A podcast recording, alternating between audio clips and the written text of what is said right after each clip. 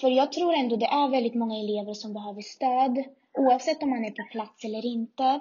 Men att det är lättare att söka den här hjälpen när man är bakom en skärm.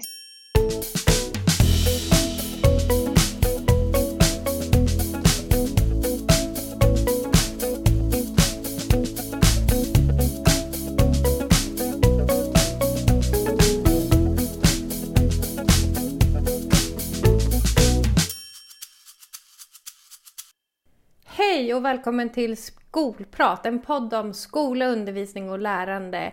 Vi heter Karin Rådberg. Och Marcus Brunfeldt. Och jag, Karin, jag jobbar som projekt och utvecklingsledare. Och vad är din roll, Marcus? Ja, jag är rektor på en grundskola. Jajamän, och det här är ju säsongens sista skolprat, Marcus. Hur tycker du att det har gått att podda tillsammans? Vi har ju kört nu den här vårsäsongen 2021? Ja, det har varit en stor omställning. Det här är ju inte mitt område, men, men alltså det var verkligen lite nervöst i början. Då blev det lite mer, alltså ganska mycket som en intervju, att hålla sig till manus. Det var ganska besvärligt i början kan jag säga. Men ju längre tiden har gått så, så jag upplever det som väldigt lärorikt. Alltså, just det också att läsa in sig på de gästerna vi ska ha och sen har jag också fått lära mig att lyssna lite mer. Sådana bitar, att få kunna vara i samtalet, det har varit skönt. Sen har det också varit väldigt tryggt att ha, ha dig med Karin här. Alltså du, du, det, är väldigt, det känns väldigt avspänt men samtidigt seriöst. Det har varit roligt, skulle jag säga. Eller hur, så vi fortsätter till hösten va? Det tycker jag. Ah, vi säger så. Vi har ju redan lite så börjat fundera över vad vi vill göra under höstens säsong. Men det får vi väl återkomma med efter sommaren när plan är spikad så att säga. Det har ju sagts många gånger eh, och man är så trött på att säga det, eller jag är så trött på att säga att det är en annorlunda tid vi lever i. Hur har det här påverkat dig och ditt jobb, Marcus? Ja, det här året har man verkligen åldrats känns det som. För att eh, och, och, vara med om saker som man absolut inte är utbildad för. För det finns ju inga rektorsprogram eller ledarskapsutbildningar som på något sätt förbereder en för en pandemi. Så att det här året har väl varit att desto mindre att ägna sig åt det som jag förhoppningsvis är bra på, nämligen skolutveckling och mer åt epidemiologi helt enkelt. Va? Att, att, eh, det har varit mycket om den här biten, att, att faktiskt ge sig in i områden som man inte riktigt behärskar. Att eh, ganska ofta försöka ge råd eller förväntas ge råd åt kan vara oroliga föräldrar, eh, oroliga medarbetare, att, att det varit mycket den formen av symboliskt ledarskap. Det är frågor som man också kanske behöver svara på men också inse att man inte riktigt har alla svar. Och sen är det också så här att jag och vi är så vana vid struktur att vi har rätt så lång framförhållning. Eh, och som nu har det egentligen varit som mest två veckor i taget. Och ibland har det varit eh, från en dag till en annan på grund av ett förändrat smittoläge. Då. Så att det, det, är, ja, det har varit eh, det är mycket som har hänt. Och man märker ju verkligen att, att i alla fall jag börjar inse betydelsen av de här mänskliga mötena. Bara ett, ett sådant exempel som de här som vi har morgonmöten med personalen 5-10 minuter varje morgon. Det kittet, det, det, är liksom, det, är, det är svårt att ersätta. Det, det går inte att ersätta digitalt fullt ut, så är det helt enkelt att känna av och stämma av läget med, med folk varje dag. Men, men sammanfattningsvis kan man nog säga att, att, det verkar faktiskt trots allt ta i trä som att vi, vi kommer att fixa det på något sätt. Det verkar så som att eleverna kommer nå sina mål och, och att vi faktiskt kan reda ut det här på ett eller annat sätt. Men ja, ett konstigt år, verkligen. Ja, men när man reflekterar över den insats som har gjort och det är ju inte en ensam individ som har stått för den utan det är ju liksom snabba förändringar, flexibilitet kan jag tänka mig är ett sånt viktigt ord. Eh, lärare som är samarbetsvilliga, som förstår eh, situationen. Vårdnadshavare som, som förstår situationen och stöttar sina barn extra. Det, det, det, det, här samverkan som har behövts få till, man blir väldigt så här ödmjuk inför det. Ja, för, för annars är också skolan är ju någonstans någon form av skyddad verkstad på sätt och vis. Och här blir skolan verkligen en del av samhället, alltså på, på ett helt annat sätt, vilket gör att vi får hantera andra frågor än bara skolfrågor. Det kan ju faktiskt vara nyttigt emellanåt också, att, att, få, att få vara en del av allt det som är lite större. Men å andra sidan, jag säga att vi, jag har endast förmånen att få vara på plats. Vi har ju haft skolan öppen öppen hela året. Det är liksom på något sätt eh, att få vara där. Jag tänker för dig Karin, du som har till stor del jobbat på distans ganska mycket har jag förstått. Så att, eh, hur, har, hur, hur har ditt år varit då? Ja, men det har ju varit jätteannorlunda för jag är ju inte en... Alltså jag älskar ju att få jobba med i team eller liksom med mina kollegor. De är superviktiga för mig. Eh, så det har varit lite svårt verkligen kanske så jag har ju ett driv så att jag har ju kunnat driva på mig själv. Det är inte så att jag har legat och slaggat till tio och gått, avslutat klockan två utan det är väl snarare, jag har nog jobbat mer än någonsin. Jag har suttit i så mycket möten, eller jag sitter i så många möten för när vi inte kan få till de här spontana avstämningarna vid kaffemaskinen eh, så krävs det ett möte så min kalender är ju fullbokad. Vissa projekt som jag skulle ha drivit har ju behövt pausas. Eh, till exempel eh, så såg jag jättemycket fram emot att jobba med våra lärare kring de reviderade kursplanerna. Vi gjorde ju till och med ett poddavsnitt om det här och sen bara någon vecka senare så tog regeringen beslut att pausa implementeringen och då, då blev det ju så här, ha så det har varit knepigt på det sättet och sen framförallt också så här avsaknad av kollegor, absolut. Men också det här, jag älskar att vara på våra skolor och träffa våra lärare och elever och föra det är ju det som är mitt jobb egentligen. Jag är ju ingen kontorsperson. Jag sitter ju inte på kontor, jag är ute i verksamheter. Så det har ju också varit den här dialogen. Eh, den kan man ju ha till viss del digitalt, men mötet är ju viktigt. Och sen så också att inte kunna jobba ostört för att Eh, även om mitt barns skola också har, till största del har, har varit igång. Jag har inte slutat jobba vid två, tre när mitt barn dyker hem.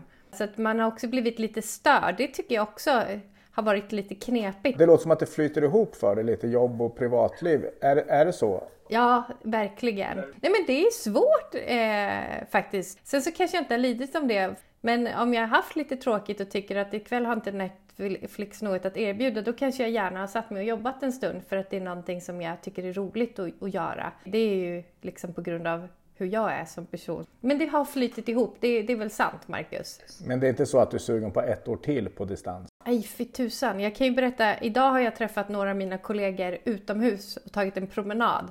Och vissa av dem hade inte jag sett sedan maj förra året. Jag är så lycklig av denna sju kilometers promenad eh, tidigt i morse. Vi höll verkligen avstånd ska jag säga och vi var utomhus.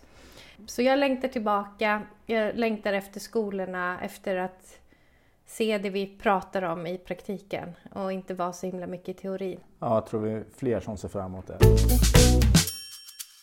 Det här är ju säsongens sista avsnitt av Skolprat och det ska ju handla om just om pandemin. Och idag så kommer vi prata med Rosario och David, elev och rektor på Kunskapsgymnasiet i Norrköping och om deras upplevelser av pandemin. Eh, hur det har påverkat dem, vad som har funkat bra, vad som hade kunnat fungera bättre och lite om vad de har lärt sig och hur de har upplevt det hela. Ska vi lyssna på vad de har att säga? Ja, tycker jag vi ska göra va? Yes. Vi kör på det. Hej Rosario och David! Välkomna till Skolprat! Så roligt att ha er här. Eh, hur mår ni idag? Jag mår bra tack. Härligt! Ja men det, det är fint är det. Ja, vad kul att höra! Rosario, kan inte du berätta, börja berätta lite grann om dig själv? Lite grann hur gammal du är och vad du pluggar till och ja, lite annat. Vad du gillar att göra annars? Ja, men Rosario heter jag. Eh, jag är 18 år gammal, fyller 19 nu i juni. Och jag pluggar naturprogrammet på Kunskapsgymnasiet i Norrköping. Eh, ja, vad gör jag utöver det? Eh, jag tränar väldigt mycket. Jag har dansat, jag har boxat, håller på ganska mycket med gymträning just nu.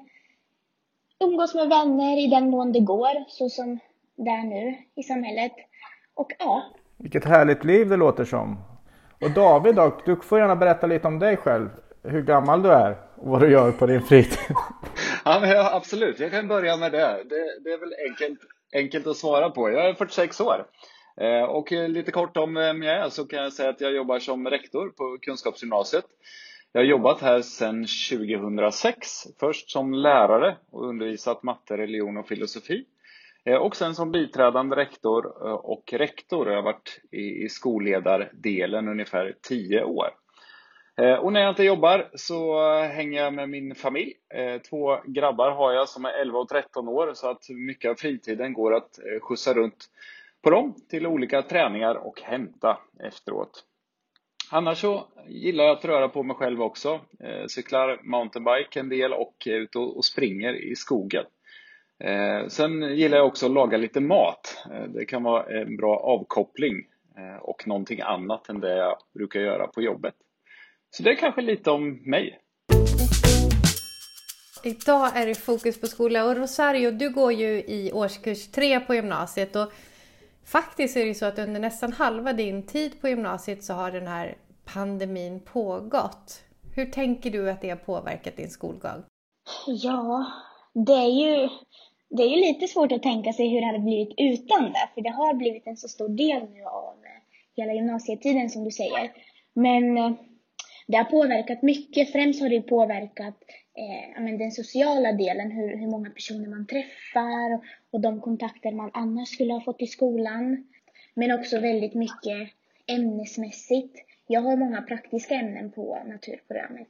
Eh, och det är ju kemi, biologi, fysik. Det innebär ju att man måste göra lite olika experiment för att förstå eh, och praktiskt se saker och ting. Och det har ju blivit självklart svårt när vi inte är på plats. Men samtidigt så tycker jag att det har ändå funkat. Lärarna har ändå försökt göra sitt bästa. Men det är självklart tråkigt att man missar vissa moment. Men jag förstår det. Och jag tänker att den här sociala biten, kan du se en skillnad på hur det var när du började på gymnasiet där i ettan? Hur har den förändrats? Ja, det är många som tycker att det är bra att följa alla riktlinjer och det är klart man ska göra det. Eh, så ingen vill få ett dåligt samvete och träffas utanför skolan, men det är inget som hindrar oss från det. Eh, samtidigt så, så är ju den här sociala biten en väldigt stor del av, av gymnasietiden. Man brukar ju säga att ja, men det ska vara den tiden då man hittar sina närmsta vänner och de kontakter man kommer kunna ha framöver. Och det är väldigt svårt att skapa sådana kontakter över Meet. Det, det är ju jättesvårt. Eh, samtidigt så hade jag tur och eh, fick nästan ett helt år. Eller jag fick ju ett helt år, ett och ett halvt vanligt. Och då hann man ju absolut få kontakter och få vänner. Jag anser att de som började nu i år eh, och fick väldigt mycket distans, de har ju säkert det svårare. Ja, men för när jag tänker tillbaka på min gymnasietid Absolut att jag minns lärare och jag minns en religionlärare väldigt mycket och sådär. Men jag minns ju också det här med att kolla in alla andra, bli förälskad, gå på lucia, vaka. Mycket sociala bitar som, som man minns med värme och kanske lite förfasan ibland kanske. Men, men just de där bitarna kanske har inte du fått på samma sätt. Nej, jag är ju en sån person som har väldigt många kontakter utanför skolan också. Men det tycker inte jag att man ska kunna anta om alla. Och är det så att man inte har det som mig, är det verkligen lätt att bli en person som missar så, så mycket just socialt. För att, mm, som du sa, man hinner inte få de här minnena. Eh, och när jag tänker tillbaka på tvåan, helt ärligt minns inte jag så mycket för vi hade så mycket distans. Så just de här sociala bitarna kopplat till skolan minns inte jag, för jag tror inte de har varit så minnesvärda. Eh, och det är ju jättesynd. Fast samtidigt försöker vi göra det bästa utav det. Jag har till exempel nu eh, en väldigt ständig dialog med David eh, om hur vi ska göra studenten så bra som möjligt. Så att folk ändå får uppleva den här sociala biten trots alla svårigheter. Så det är inte omöjligt, men det krävs mycket mer av en själv. Vi kommer återkomma till studenten. Det känns viktigt att diskutera. För Skolinspektionen har gjort en hel del intervjuer med över 600 rektorer och eh, runt 900 elever. Och de här intervjuerna visar att gymnasiets distansundervisning under den här pandemin varit ja, ganska långt ifrån problemfri i alla fall. Det kommer fram till att det varit mycket ensamarbete, reducerat lärarstöd, motivationen har trytit ordentligt och måendet har försämrats. Så David, du som rektor, vad, vad, vad, har du för erfarenhet av det här? Eh, känner du igen det, det som sägs här från Skolinspektionen? Jag skulle nog vilja börja med att eh, svara på en fråga som jag ofta får eh, och det, det är väl ofta privat jag får den. De som ja, men vet om att jag jobbar som rektor, de säger ja, men hur går det i skolan, hur klarar ni av det?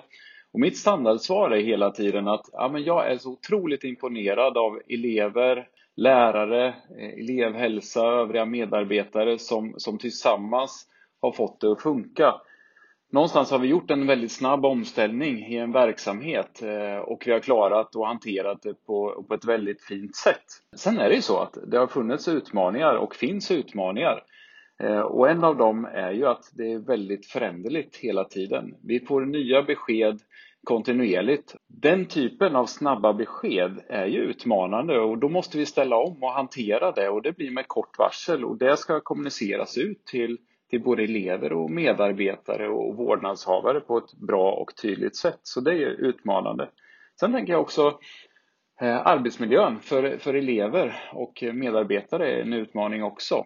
Det blir skillnad när man sitter hemma eh, och jobbar och man kanske inte upplever att man har närhet till lärare och närhet till undervisning på samma sätt som man har. Och sen också det som Rosario är inne på eh, sen tidigare då, det här sociala samspelet och avsaknaden av det och vad det gör med oss människor och med, med skolan på sikt. För, för, vi kan hantera ganska mycket under en kortare period men nu har vi varit inne i en period som har varat en längre tid och, och det börjar sätta sina spår. Så att, eh, Eh, jag kan väl delvis hålla med om, det som Skolinspektionen har tagit fram som utmaningar under det här året. Eh, men samtidigt tycker jag att vi har hanterat undervisningssituationen på, på ett bra sätt givet förutsättningarna. Mm. Jag tänker det där som arbetsmiljön, det är, liksom, det är ett svårt och stort arbetsområde i övrigt med men att ansvara för en arbetsmiljön under distansundervisning, det, det, hur, hur funkar det tycker du? Ja, men eh, det, det är utmanande för att eh, när man har, om, jag, om du tänker lärarperspektivet först och främst, när man har eleverna på plats då kan man ganska snabbt läsa av att ja, men den här eleven verkar ha en, en lite sämre dag idag eller någonting har hänt. Det blir mycket svårare när, när man har en distanssituation och, och detsamma gäller ju också för, för min del eh, i relation till, till medarbetare att ja, men när man träffas på jobbet dagligen då kan man läsa av och man kan också ha en dialog kring att ja, men det här funkar inte jättebra, hur gör vi det på ett bättre sätt? Eh, men när man sitter hemma så, som lärare då blir det svårare eh, att se de bitarna för min del och också följa upp de delarna och, och kunna vara ett stöd. Så att ja, men det har varit utmanande. I den här, i alla fall Skolinspektionens eh, intervjuer, eh, då pekar de ju ut, både rektorer och eleverna pekar ut just matematik som ämne då, som särskilt svårt att hantera på distans. Det där lärandet sker mycket med hjälp av varann, både med lärare och klasskamrater. Har ni märkt av någonting av det David? Ja, nej men vi, har, vi gör ju lite undersökningar, våra enkäter och avstämningar hur, hur eleverna ligger till i respektive ämne. Och det vi kan se är att ja, men det finns utmaningar i matematiken. Större utmaning än vad det brukar vara så här års. Eh, och då är ändå matematik ett ämne där det finns väldigt mycket bra externt stöd i förhållande till andra ämnen, till exempel Youtube-kanaler. Det finns matteprogram, självrättande tester och sådär. Men, men här är det ganska tydligt att, att för att få matematikundervisningen att fungera bra så behöver man ha en nära kontakt med läraren och man behöver sitta i samma, samma rum. Så det har absolut varit en utmaning för att när man fastnar i matte och sitter två mil ifrån skolan eh, och man tycker att det kanske är en dålig uppkoppling eh, och ingen som ser mig, ja men då är det utmanande. Eh, visst är det det? Hur tänker du kring matematiken Rosario? Ja, nej men jag håller faktiskt med. För matematik är ju som David sa ett ämne som man kan få så himla mycket stöd utifrån också. Men där tror jag att det handlar väldigt mycket om att alla lär sig på så olika sätt att en förklaring som en lärare ger i en gemensam genomgång online kommer inte alltid fungera för eleven utan man behöver få det förklarat på ett annat sätt.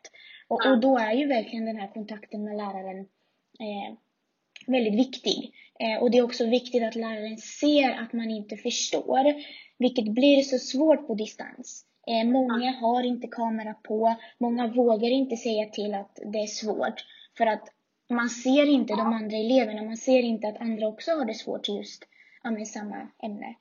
Intressant, just det där med att man inte ser, ja, att man blir, känner sig ensam i, mm. i matematiken. David? Mm. Ja, men, eh, vi, vi, har ju sett det behovet och, och, tidigare under våren så funderar vi mycket på hur kan vi liksom göra någonting för att underlätta för våra elever att jobba med matematik. Så det vi har gjort är att vi har kvällsskola matematik. En kväll i veckan så, så har vi tre lärare, mattelärare, som finns på plats i matsalen som är väldigt stor. Eh, och eh, då har man möjlighet som, som elev att komma och delta i, som ett extra pass i matematik. Eh, och det där har varit väldigt uppskattat av, av både lärare eh, som får undervisa matematik med eleverna eh, men också av eleverna. Det känns som en en lyckad satsning i, i sammanhanget och ett sätt att, att stötta upp där vi ser behov. Ja, men det, det förde ni ju in nu under den här eller förra terminen. Själv gick jag matte förra året, alltså i slutet av tvåan. Eh, och då fanns inte den här möjligheten för allting med distans var så pass nytt. Mm. Eh, och som David säger, de här kvällarna har hjälpt mycket. Under tiden jag hade matte 4 hade vi ändå möjlighet att få den hjälpen på plats. Eh, och det har verkligen blivit tydligt att det har hjälpt, både resultatmässigt men också hur mycket man förstår själv och hur mycket man kommer ihåg i efterhand eh, av all den här matematiken vi har haft. Så ja, hur man än gör det så tycker jag verkligen att ja, men den här hjälpen på plats är så, så himla viktig. Eh, och jag tycker inte det gäller bara matte utan jag skulle nog kunna säga att det gäller ämnen där matte också är involverat såsom fysik, kemi. Det är mycket matte där också.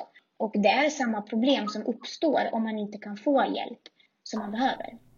Och du har ju haft distansundervisning en hel del de senaste ett och ett halvt åren kan man säga. Om du skulle beskriva hur en bra lektion, en bra distanslektion ser ut. Vad, vad, vilka, vad är det som händer då? Ja, den börjar med en gemensam genomgång eh, där lärarna presenterar något nytt ämne, förklarar.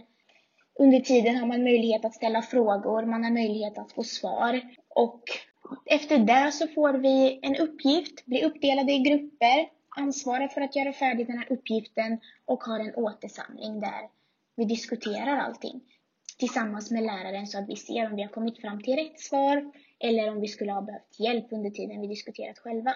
Eh, det skulle jag nog säga är en bra lektion faktiskt. Ja, men tack! Men om du då får beskriva en mindre bra lektion, vad är det då som händer? Ha en mindre bra lektion, men om vi tar ungefär samma scenario, det skulle ju vara att eh, läraren inte tar någon återsamling eh, inte håller koll på om vi har gjort det vi ska ha gjort.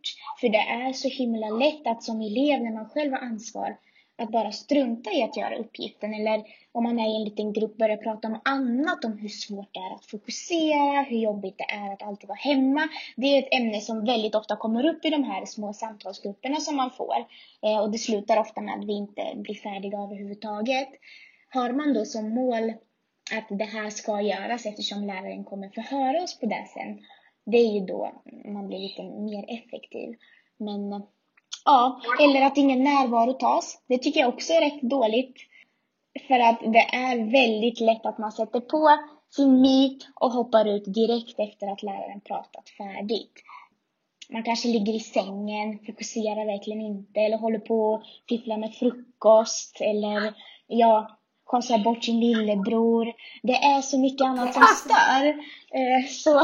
Det är så ärligt och klokt resonerat. Och jag tänker att det, det jag hör dig säga är så här, läraren behöver ha ett tydligt ledarskap, en tydlig plan. Jag tänker också att kanske kortare uppgifter som kan göras under en begränsad tid är att föredra, där man liksom har en början, mitt och ett slut. Eh, så. Om man tänker både ämnen, det har vi ju varit inne på att matematiken uppenbarligen har varit mer utmanande. Men också vilka typer av uppgifter är jag lite nyfiken på. Vilken typer av uppgifter funkar bra via distans och vilken typer av, av uppgifter fungerar mindre bra? Jag tycker att diskussionsuppgifter fungerar väldigt bra vid distans. För vi ungdomar är ändå rätt bra på det här med tekniken nu. Man pratar så mycket i telefon, alla har TikTok, vet hur man ska uttrycka sig över en skärm. Så det går ändå att få till de här diskussionerna förutsatt att alla är seriösa då.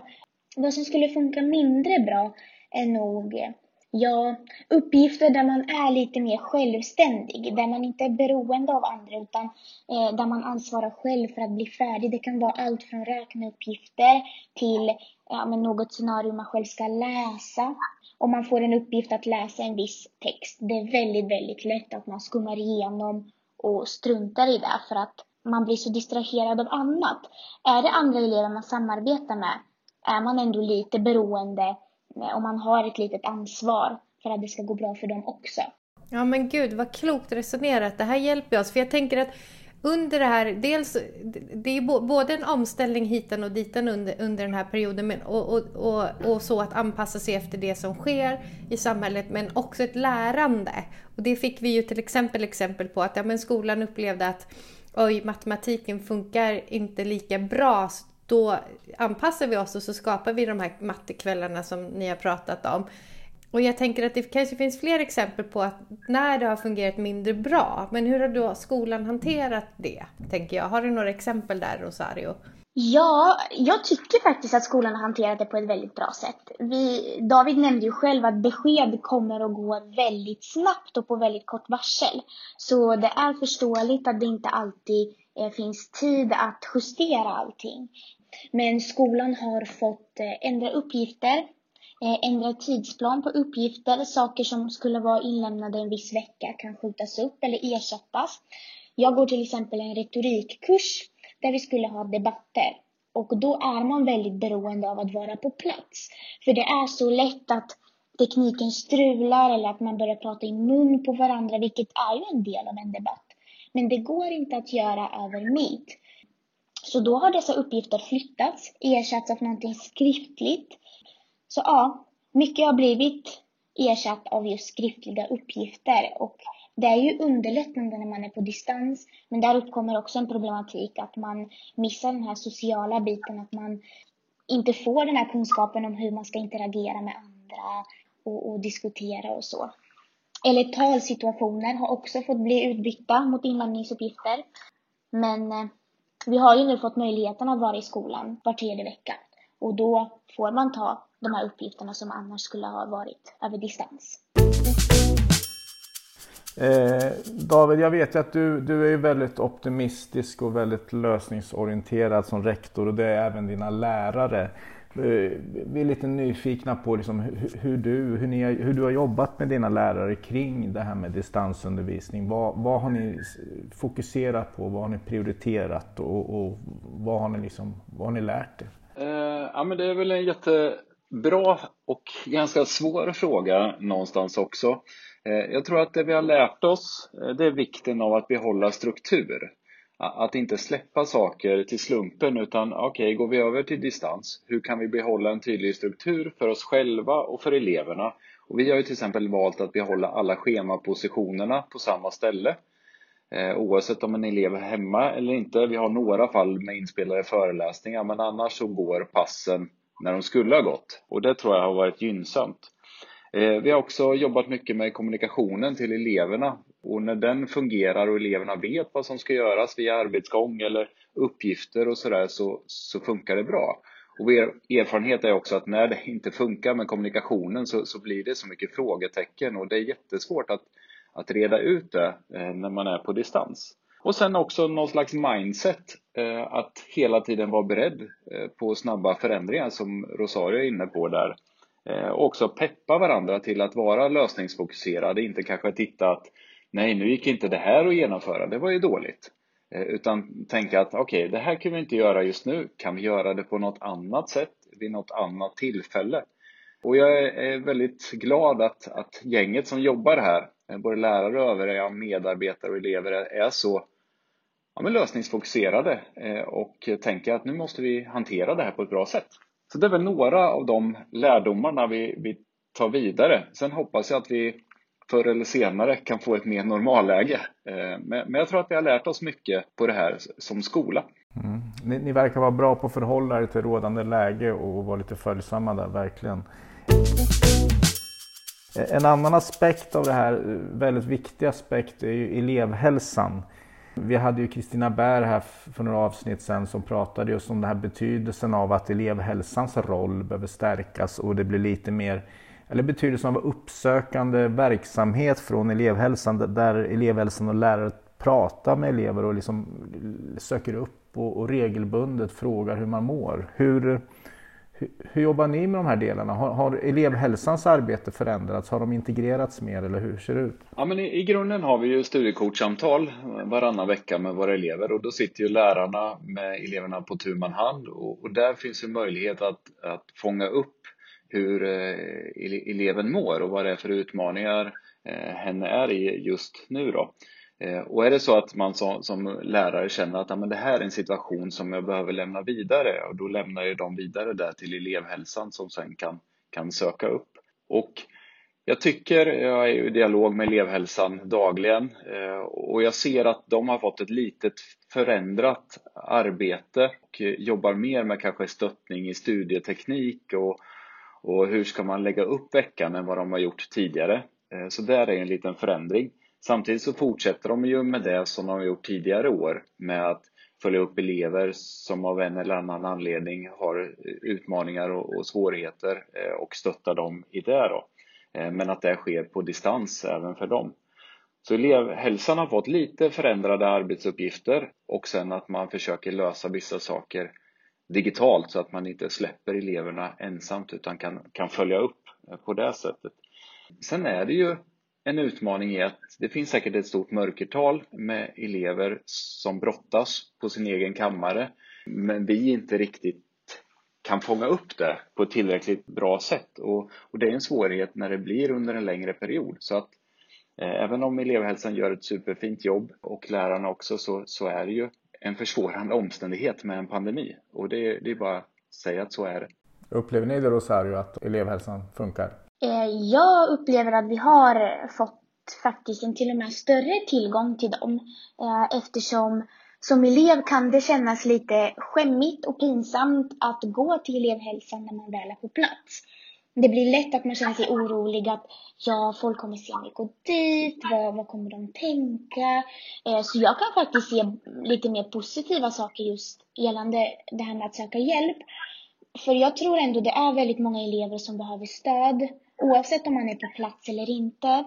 Men att det är lättare att söka den här hjälpen när man är bakom en skärm. Särskilt som ungdom tror jag att man känner sig lite mer skyddad och anonym och säker än hur det hade varit om man eh, verkligen går här i skolan. Och själv har inte jag sökt så mycket hjälp med det, men jag upplever från vänner och bekanta att det är ändå lätt att få den här hjälpen. Att man, man får rätt stöd och man får svar på sina frågor. Och som David sa finns det säkert ett stort mörkertal, men det har alltid funnits där. Och det ligger också där ett lite större ansvar på föräldrar eller de man bor med, att de har lite koll på en och på sina barn och hur de mår. Men eh, vill man söka hjälp och är man medveten om att man behöver det så känner jag ändå att det går rätt så bra och till och med bättre över distans. Det är ju jätteintressant att du säger att det kanske har blivit synligare och att man vågar. Eh, och det är någonting att ta med sig vidare in sen efter pandemin också. Så här, men det här lärde vi oss som en positiv sak med det här läget vi har varit i. Ja, jag tänkte lite på de här, för, för, för, från, från rektorshåll och från lärarhåll så är ju som skolan ses som en kunskapsarena i första hand. Men, men som Rosario var inne på, det är, det är kanske framförallt en social arena också mellan elever. Kan ni stötta på något sätt David när det gäller de här sociala eh, delarna elever emellan? Ja, eh, i den bemärkelsen att vi kan liksom se, se, ett behov och för vissa individer så har vi gjort så att vi har öppnat upp skolan eh, så att skolan alltid har varit öppen för ett fåtal elever som känner att ja, men jag behöver ha ett ställe att gå till. Jag behöver träffa någon regelbundet. Eh, sen är det svårt att, att liksom stimulera, tycker jag, eh, på det hela taget, det sociala. Jag vet att några av våra e-, elever tog ett väldigt fint initiativ. I början av pandemin så stängde ju kaféet och, och skolan ner i olika omgångar och då gjorde de en digital soffa. Eh, så då kunde man hoppa in i ett meet som hette Soffan. Och där kunde man sitta och ta sin rast och prata om lite annat än, än skolarbete. Så det är ett elevinitiativ i sammanhanget som jag tycker är väldigt fint och värt att lyfta upp. Det är som att nöden växer, då växer fram nya idéer och lösningar hela tiden. Så det är, det är en fantastisk bank överhuvudtaget. Men det ser lite olika ut. Alltså det är ju liksom, vi, vi bor på olika sätt, man kan bo trångt, det finns liksom förutsättningarna ser, ser olika ut för ungdomar runt, runt om i landet kring att kunna studera hemifrån. Och inte minst om det är många i familjen som samtidigt ska både jobba hemifrån och plugga hemifrån. En del behöver mer hjälp än andra och uppkopplingar och liknande. Hur, hur, hur jobbar ni från skolans håll för att eh, stötta de eleverna som kanske har lite sämre förutsättningar att få studier gjorda hemma?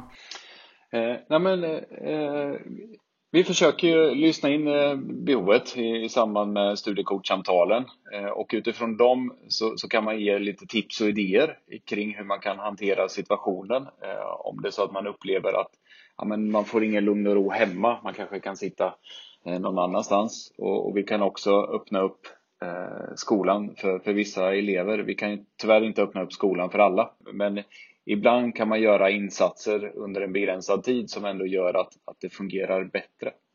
Eh, så det är väl en väg att gå. Sen har jag också haft kontakt med en del kommuner kring det här och sett hur, hur man kan hantera situationen. Och, och, det finns en kommun i närområdet som har öppnat upp en del av kommunhuset eh, så att eleverna får gå dit och sitta enskilt och jobba.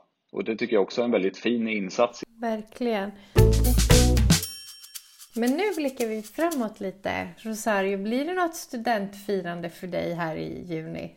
Eh, ja, förhoppningsvis. Jag och David har ju haft så många dialoger om det här. Just för att jag känner att den här sociala biten, det är ju lite elevernas ansvar också. Och vi vill göra det bästa av situationen. Jag sitter med i studentkommittén och då ansvarar vi väldigt mycket just för frågor om hur studenten ska bli, organisera bal. Och det är ett väldigt stort ansvar.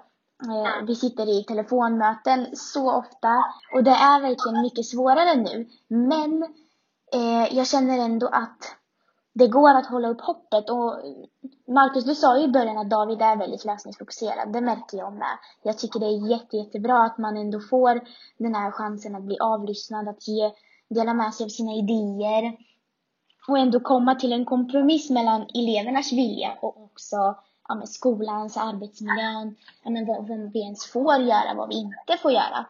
Så hur det än blir så tror jag ändå vi kommer kunna få ett eh, trevligt firande. Och såklart saknar man de här delarna med flak och med eh, en stor folkmassa som tittar på en. Men ja, vi accepterar det och vi gör det bästa utav det.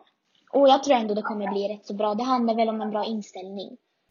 Och i dagsläget så är det ju jättesvårt att svara på om det kommer bli något utspring på åtta personer, färre eller fler. Liksom. Utan det återstår väl att se när vi närmar oss, tänker jag. Men Rosario, vad, vad tänker du att du ska göra efter studenten då? Vad händer i ditt liv? Ja, jag har väldigt många planer, eller jag hade jättemånga planer. Eh, jag hade tänkt att resa, volontärarbeta. Det har alltid varit en, en dröm. Jag tycker det är så himla fint att man gör något för, ja, för, en bra, för en bra sak. Men nu blir inte detta möjligt med Corona. Så jag har faktiskt valt att söka direkt till universitet. Jag har sökt tandläkarprogrammet, eh, läkarprogrammet, psykolog. Men vi får se, vi får se. Jag hoppas faktiskt på att kunna börja plugga så att jag ändå tar, eh, tar del av den här tiden och utnyttjar den när vi ändå inte kan resa eller göra något mer. Men precis, resa, volontärarbeta, det kommer också hinna med, jag lovar, för livet är långt. David, vad är dina förhoppningar då inför hösten? För du, du, ska, du tar ju inte studenten, trots allt. Du kommer ju fortsätta att vara rektor på skolan. Vad hoppas du på? Eh, nej, men jag vill bara reflektera till det Rosario säger. Det är så härligt att, att, höra den drivkraften som finns efter en period eh, på gymnasiet med distanslösningar, eh, närundervisning, fjärrundervisning och vartannat. Och ändå finns det här sprudlande och energin och, och det är så härligt. Eh, så det finns hopp. Eh, och ni förtjänar absolut den bästa och den mest värdiga studenten vi kan lösa. Eh, om jag, blickar till, till hösten så är ju förhoppningen att vi kan starta igång ungefär som ett, ett vanligt år. Vi tar emot 200 nya ettor Eh, och att vi kan ses på plats och att vi kan ha ett upprop där vi, där vi kan fånga alla. Sen är jag beredd på plan B också, där vi kanske får hitta klasslösningar att genomföra det. Jag hoppas att vi inte behöver ha digitala lösningar. Eh, jag räknar med att vi får göra en del smärre justeringar under hösten, men att vi överlag är tillbaka eh, och kan bedriva undervisning på, på ett vanligt sätt. Och också att vi kan ta med oss lärdomarna av den period vi har varit inne i och se hur vi kan dra nytta av dem för att bli ytterligare lite vassare på, på skola.